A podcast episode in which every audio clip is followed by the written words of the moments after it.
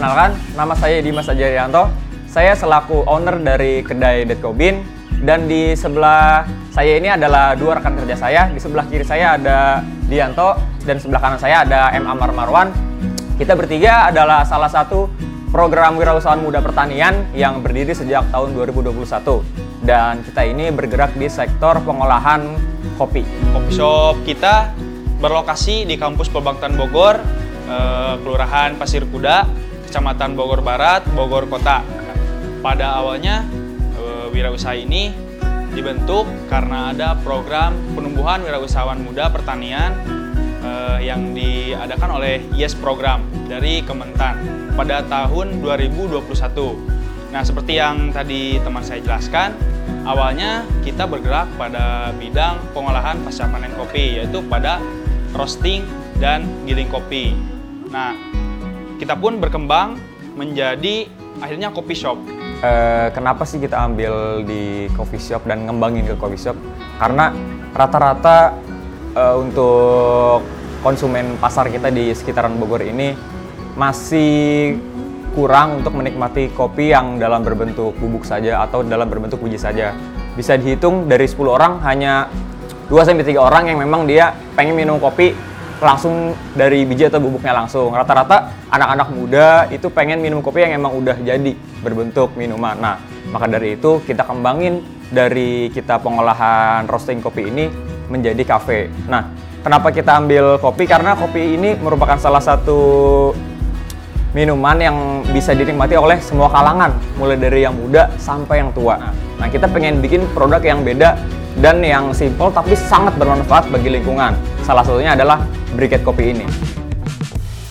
Setelah mendapatkan sedikit info mengenai kopi tersebut, saya jadi penasaran untuk melihat langsung bagaimana proses pengolahan limbah kopi dari tiga pemuda. Gelapnya biji kopi ternyata mampu menerangi dengan api briket olahan karya pemuda bangsa. Bukan hanya pecinta bermodal pecinta kopi tentunya, namun kreativitas mampu memberikan nilai lebih dari secangkir kopi. Eksotisme kopi di kota hujan Bogor menuntun saya ke kafe unik di sudut kota. Mereka menamakannya Dead Cobin. Tak hanya unik rasanya, melainkan keunikan dari manfaat limbah kopi yang ternyata dapat dijadikan sumber energi terbarukan dengan menjadikan berupa briket dari ampas kopi yang kerap dibuang begitu saja. Yang lebih seru adalah, briket kopi ini bisa untuk bahan baku panas kompor dan juga panggangan layaknya arang pada umumnya. Jangan heran, ternyata inovatornya adalah anak-anak muda yang bahkan masih duduk di bangku perkuliahan. Bersama dengan Kementerian Pertanian, tiga anak muda pemilik kedai kopi ini berani melakukan inovasi atas limbah kopi yang kerap diabaikan. Lalu, kenapa limbah kopi? Potensi dan keunggulan dari briket kopi dibandingkan dengan briket lain yaitu bahan baku yang sangat mudah didapat dari berbagai kedai kopi di Bogor dan sekitarnya, sehingga dapat mengurangi limbah kopi terbuang di lingkungan. Ketiga pemuda tersebut adalah Dimas Aji, Dianto, dan Amar sebagai pemilik kafe di kawasan Bogor. Fakta lainnya adalah daya tahan briket kopi bisa dibilang cukup lama, kurang lebih 15-20 menit untuk pembakaran dan juga aroma yang dihasilkan tidak terlalu menyengat seperti briket lain. Kementerian Pertanian melalui Ditjen Perkebunan terus berupaya mendorong dan mendukung generasi muda atau petani milenial agar menjadi pelopor pembangunan pertanian termasuk perkebunan. Mari kita simak bagaimana kopi bisa menjadi potensi energi baru terbarukan untuk masa depan.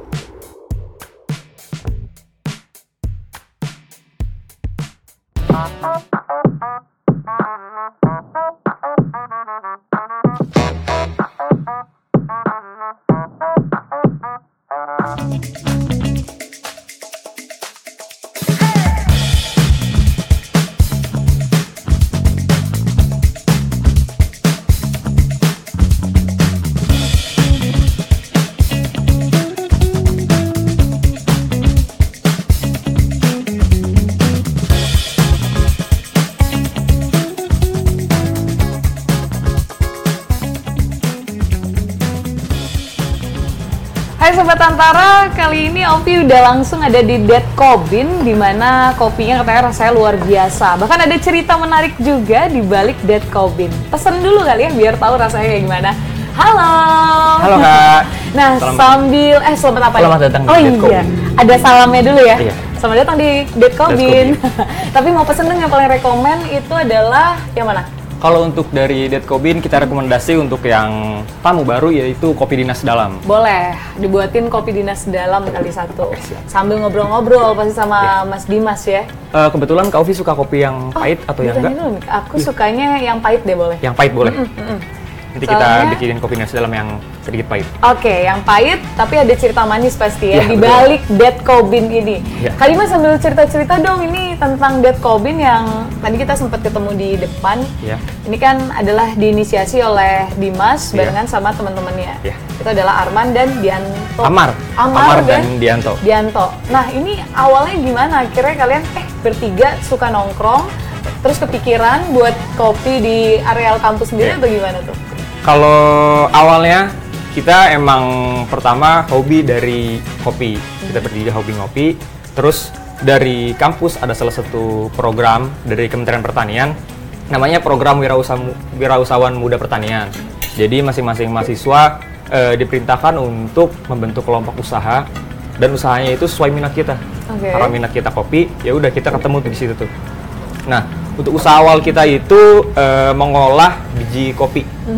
Nah, biji-biji kopi yang ini kita roasting atau kita sangrai sendiri. Oke. Kita beli biji kopi mentah. Nah, untuk biji kopinya itu kita disuplai dari sesuai sama na- nama daerahnya, Robusta Ciamis. Oke. Kita dapat supply dari bapaknya Dianto yang kebetulan seorang petani kopi di Ciamis Mhm. dan terus juga ada Arabica Bogor. Mhm. Ini kopi dari Bogor asli. Dan untuk Arabica Cianjur juga supply dari tempatnya Amar di Cianjur. Oh, berarti rata-rata supply juga dari Dari daerah masing-masing. Daerah masing-masing Iya. yang diperkenalkan di Betul. areal kampus. Iya. Tapi awalnya sendiri udah langsung jadi kafe seperti ini, mini kafe atau bagaimana Belum, prosesnya sebelumnya? perjalanan kita cukup panjang. Mhm.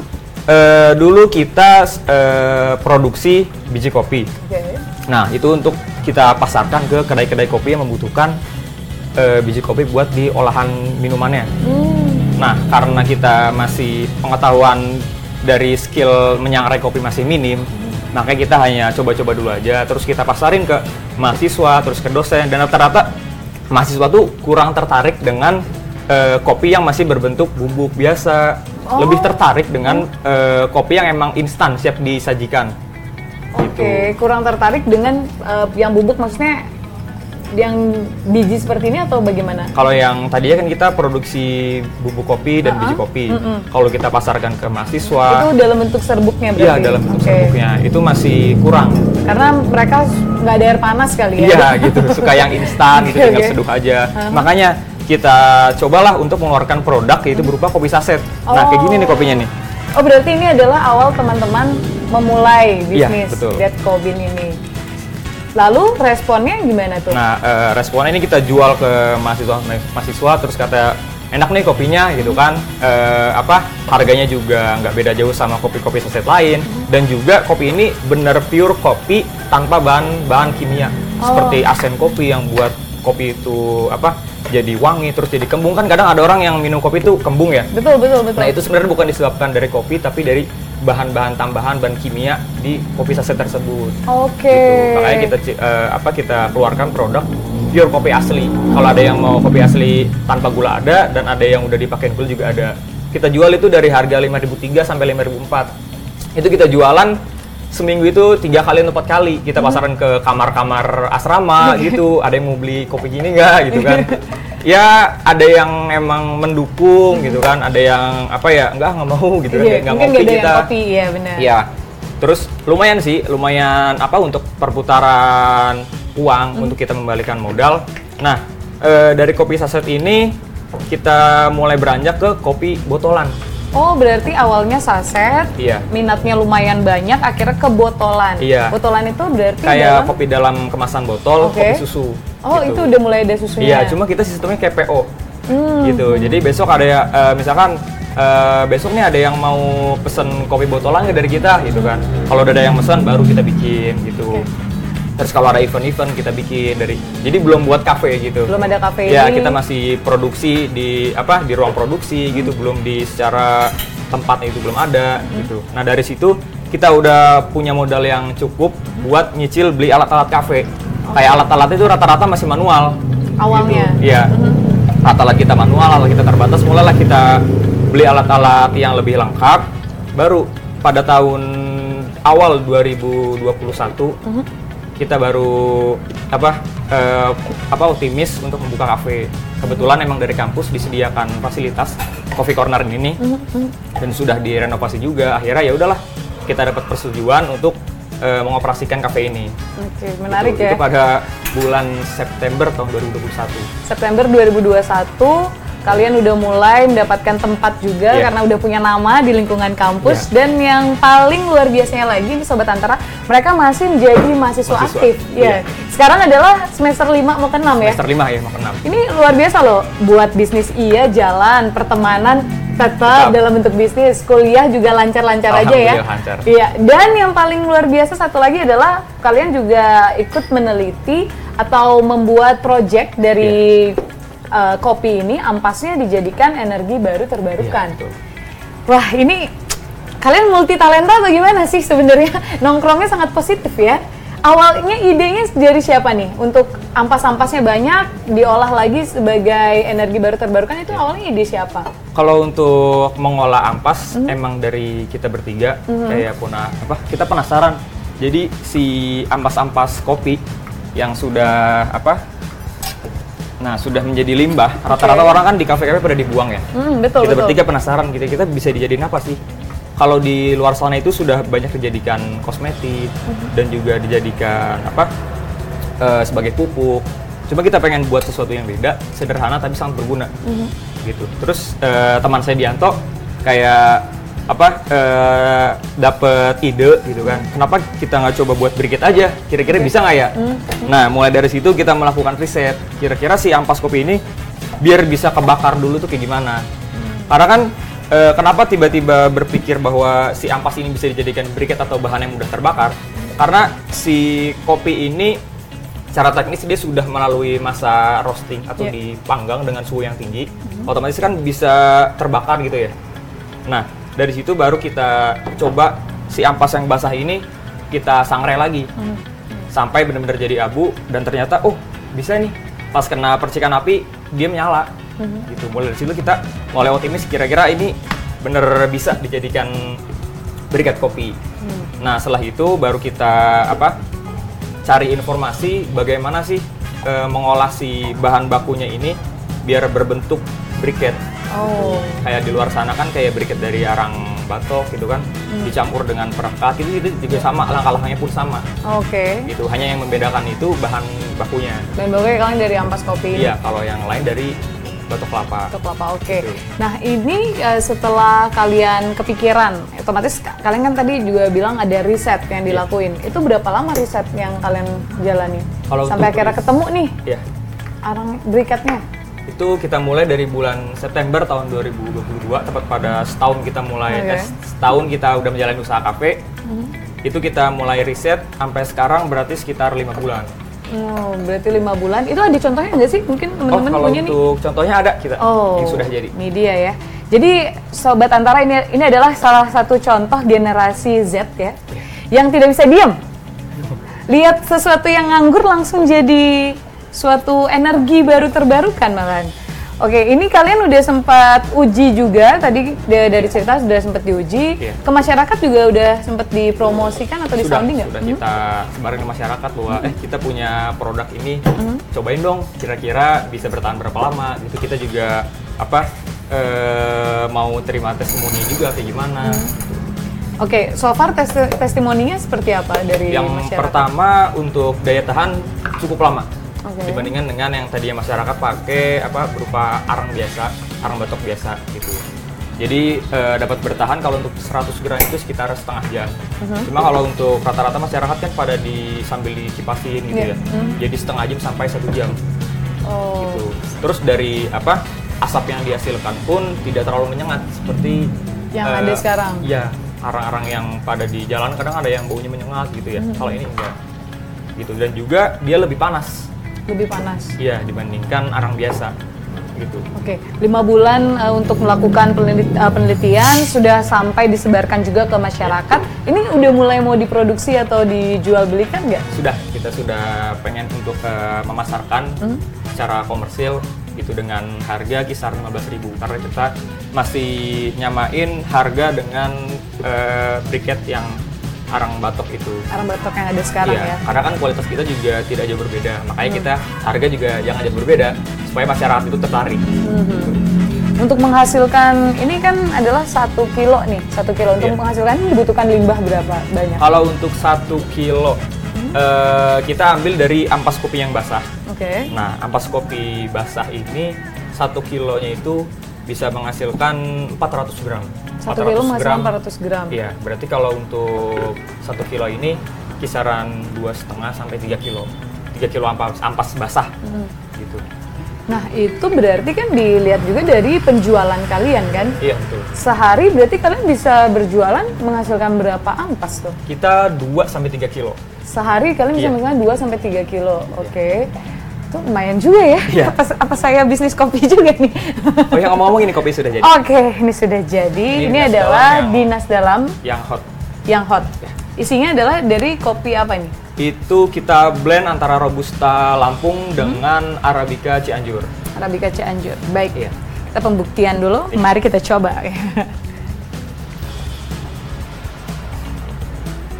hmm. Wah. Mantap. Oke, Dimas.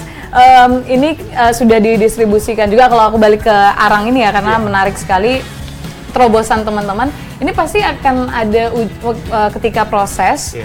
dilakukan di kampus. Iya, iya. Dibantu juga dengan dosen-dosen atau seperti apa? Kalau itu kita mandiri. Ini mandiri. Iya. Oke. Karena eh, dosen hanya sekedar eh bikin apa itu penasaran gitu kan, Hmm. bikin ini Bu gitu. Oh ya udah gitu lanjutin aja.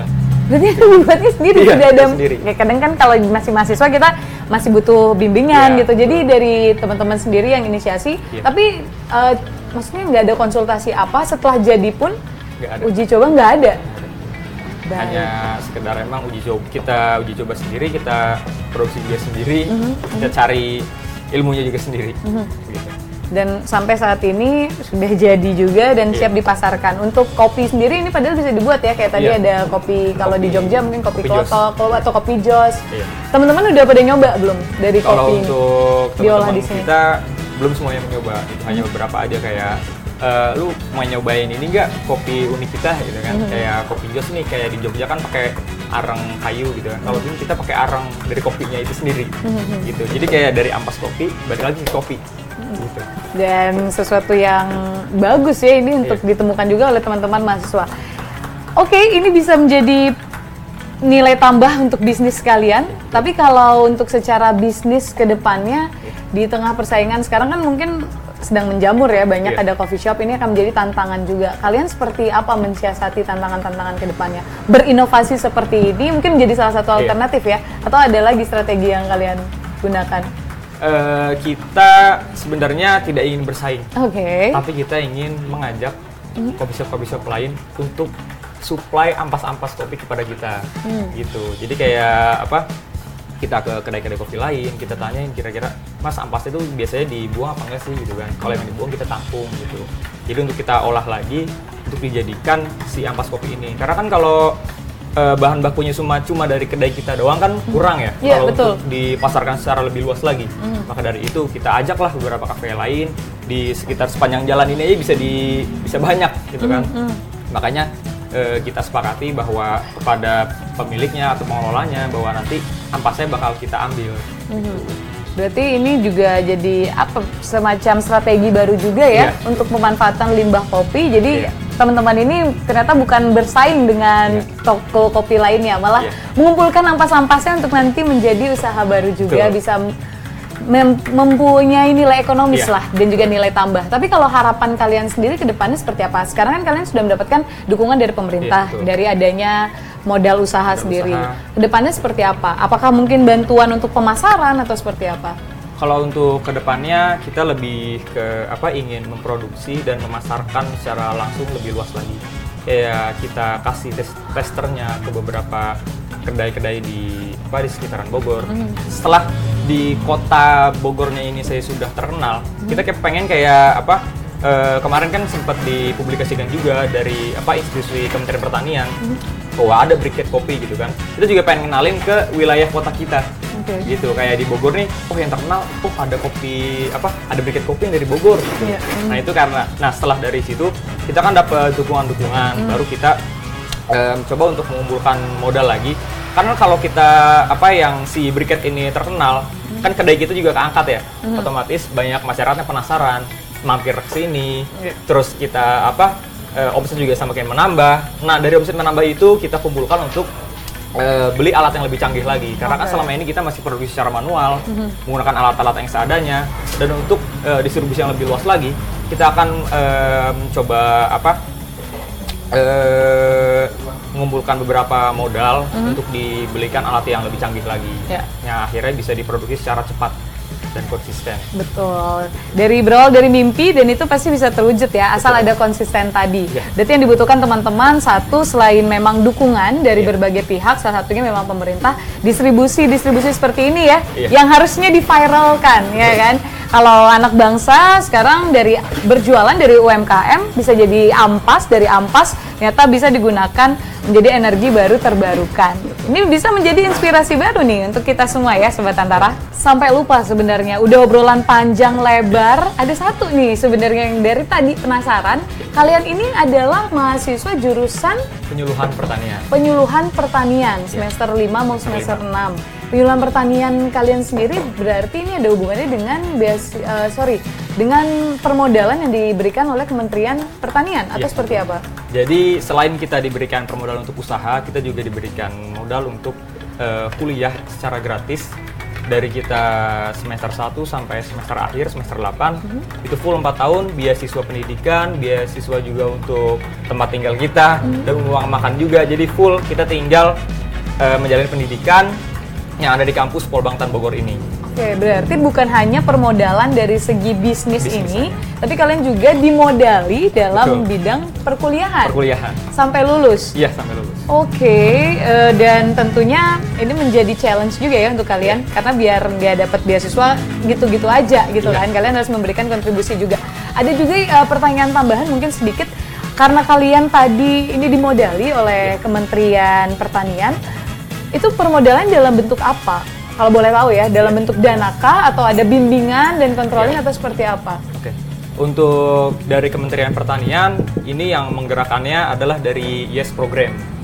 Itu Yes Program itu adalah salah satu lembaga yang eh, memodali yang yang memberikan support kepada kita kepada eh, kelompok usaha-usaha di Perbangtan Bogor. Yang pertama diberikan modal dan juga controlling terkait bisnis yang sudah berjalan. Oke, jadi modalnya adalah uang ya? Iya, betul Oke. uang. Mhm. Dan juga untuk bimbingan diserahkan kepada dosen-dosen yang ada di kampus ini.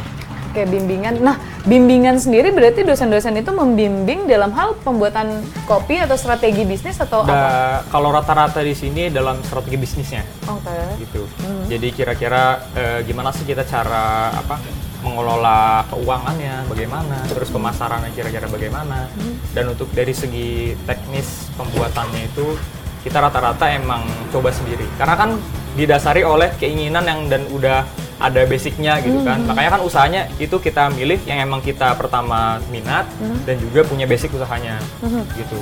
Oke, ini kolaborasi yang sangat luar biasa ya. Modal ada, dari Ya. kampus juga support untuk pemberian edukasi tambahan, dan dari kalian memang punya minat dan mengembangkan lagi bakat yang ada hingga akhirnya lahirlah Dead Cobin dan inovasi-inovasi menarik lainnya. Ya.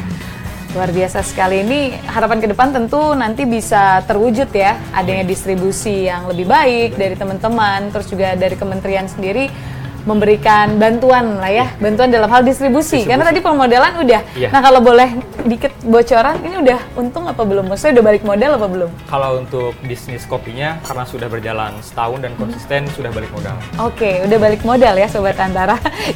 Jadi intinya kita berkreasi dulu. Iya, betul. Sebenarnya teman-teman pasti balik modal, bahkan juga untung itu adalah nilai plus ya. Plus. Di luar itu semua. Yang Iya. penting inovasinya ada, hobinya, Hobinya. hobi yang dibayar juga bisa Iya. gitu. Dan ini bisa menginspirasi Sobat Antara semua.